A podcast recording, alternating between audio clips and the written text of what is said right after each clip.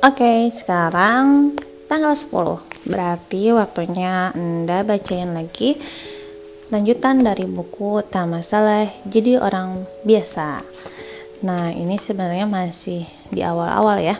Oke, karena nanti akan ada hantu-hantu. Apa itu hantu-hantu? Nah, kita akan hmm, baca dulu tentang segmen atau bagian menemui para hantu.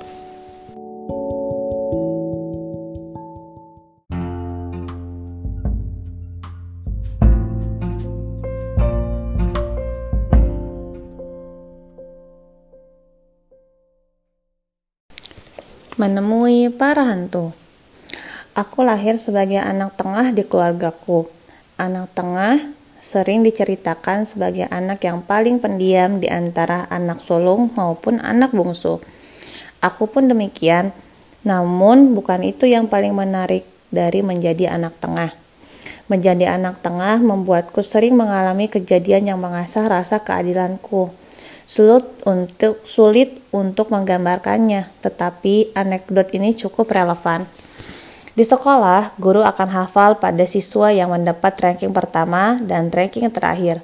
Yang di tengah-tengah mah jangan harap. Anekdot itu tak sepenuhnya benar, namun ada sedikit kecocokan dengan pengalaman yang dimiliki anak tengah. Karena posisinya yang di tengah tengah, biasanya perhatian yang anak tengah didapatkan tak sebaik perhatian yang didapat oleh anak sulung dan bungsu. Selain itu, berada di pertengahan itu serba nanggung. Kalau kita secara ekonomi tergolong menengah, setiap kali ada peluang beasiswa pendidikan, keringanan biaya masuk sekolah, atau peluang bantuan dari pemerintah yang masyarakatnya jumlah penghasilan, kita pasti nggak memenuhi syarat. Kalau dibilang nggak punya uang, ya nggak juga kita masih bisa makan dan minum, tetapi di sisi lain kita juga nggak sekaya itu untuk membayar semuanya sendiri.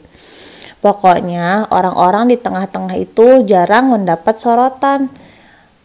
Nggak di keluarga, di sekolah, bahkan dalam percaturan dunia kerja. Menjadi orang pertengahan artinya terbiasa untuk kompromi dengan tekanan dari atas dan bawah Tak heran, orang-orang tengah ini sering jadi juru negosiasi, pandai mendamaikan dua pihak yang berseberangan.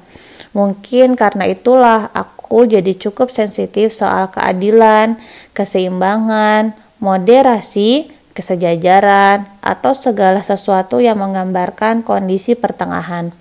Seperti ada kecenderungan untuk selalu menjadi kaum pertengahan dalam semua aspek kehidupan Sebab nilai keseimbangan adalah nilai terpenting buatku. Tak terkecuali dalam menjalani peran, bercita-cita, dan memahami makna kesuksesan. Lalu, di sinilah ceritanya bermula.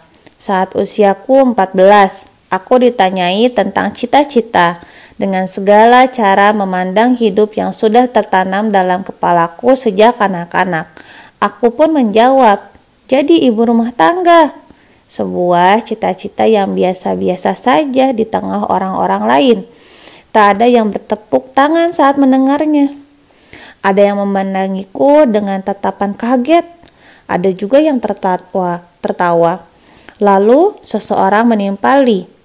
Cita-cita kan harus setinggi langit. Entah kutipan bijak siapa yang ia katakan. Yang jelas aku tak paham apa yang ia maksud. Sejak saat itu, aku mengerahkan pikiranku untuk mencari tahu arti dari cita-cita setinggi langit.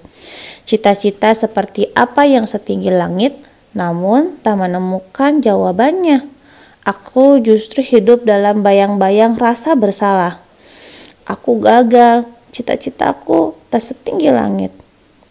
Kemudian, masih jelas dalam ingatanku satu kenakalan yang sempat membuatku dipanggil dua guruku untuk diwawancarai. Saat usiaku 17, aku kabur dari sekolah asrama selama satu minggu. Alasannya, aku lelah. Aku bosan mengejar prestasi akademik. Aku suntuk membayangkan nilai-nilai rampotku. Buat apa sih angka-angka itu? Tak bolehkah aku menjadi orang yang biasa-biasa saja? Jiwa ABG-ku ingin berteriak. Entah pada siapa, tidak aku, tidak, tidak, aku tidak mau menyalah, menyalahkan siapa-siapa. Aku tahu tindakanku keliru. Lagi-lagi, bayang-bayang rasa bersalah menutupiku. Aku gagal, cita-citaku tak setinggi langit. Saat buku ini ditulis, usiaku 27 dan aku masih mempertanyakan hal yang sama, tetapi dalam bentuk yang lebih rumit. Tentang cita-cita setinggi langit, kompetisi, angka-angka, dan tentang hidup sebagai orang biasa-biasa saja. Semua orang terbiasa berada di situasi pertengahan. Bagiku, menjadi orang biasa dan bercita-cita sederhana adalah dua hal yang biasa-biasa saja, bukan sesuatu yang perlu membuat kita merasa gagal menjadi manusia akan tetapi, kehadiran tuntutan dan standar yang ditentukan orang lain membuatnya tak jad, jadi tak biasa. Karena itu, hidupku jadi bising oleh berbagai pertanyaan dan perdebatan. Memangnya kenapa kalau aku hanya jadi seorang biasa? Apakah perasaanku jadi tak layak mendapatkan pedulimu? Apakah suaraku jadi tak terdengar di telingamu? Apakah keberadaanku jadi tak penting di matamu? Semua pertanyaan itu seperti hantu yang tinggal di bawah tempat tidurku. Dan lewat buku ini, aku ingin mengajakmu menemui hantu-hantu itu di bagian pertama.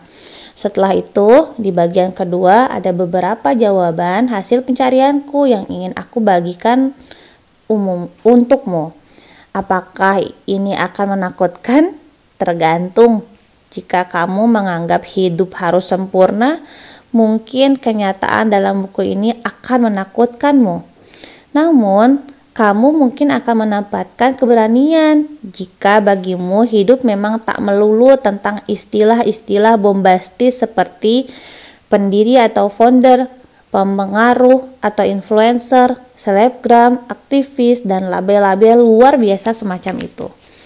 Ya, Semoga kita akan lebih berani untuk hidup dengan asli, tulus, dan menerima bahwa menjadi orang biasa-biasa saja bukanlah masalah.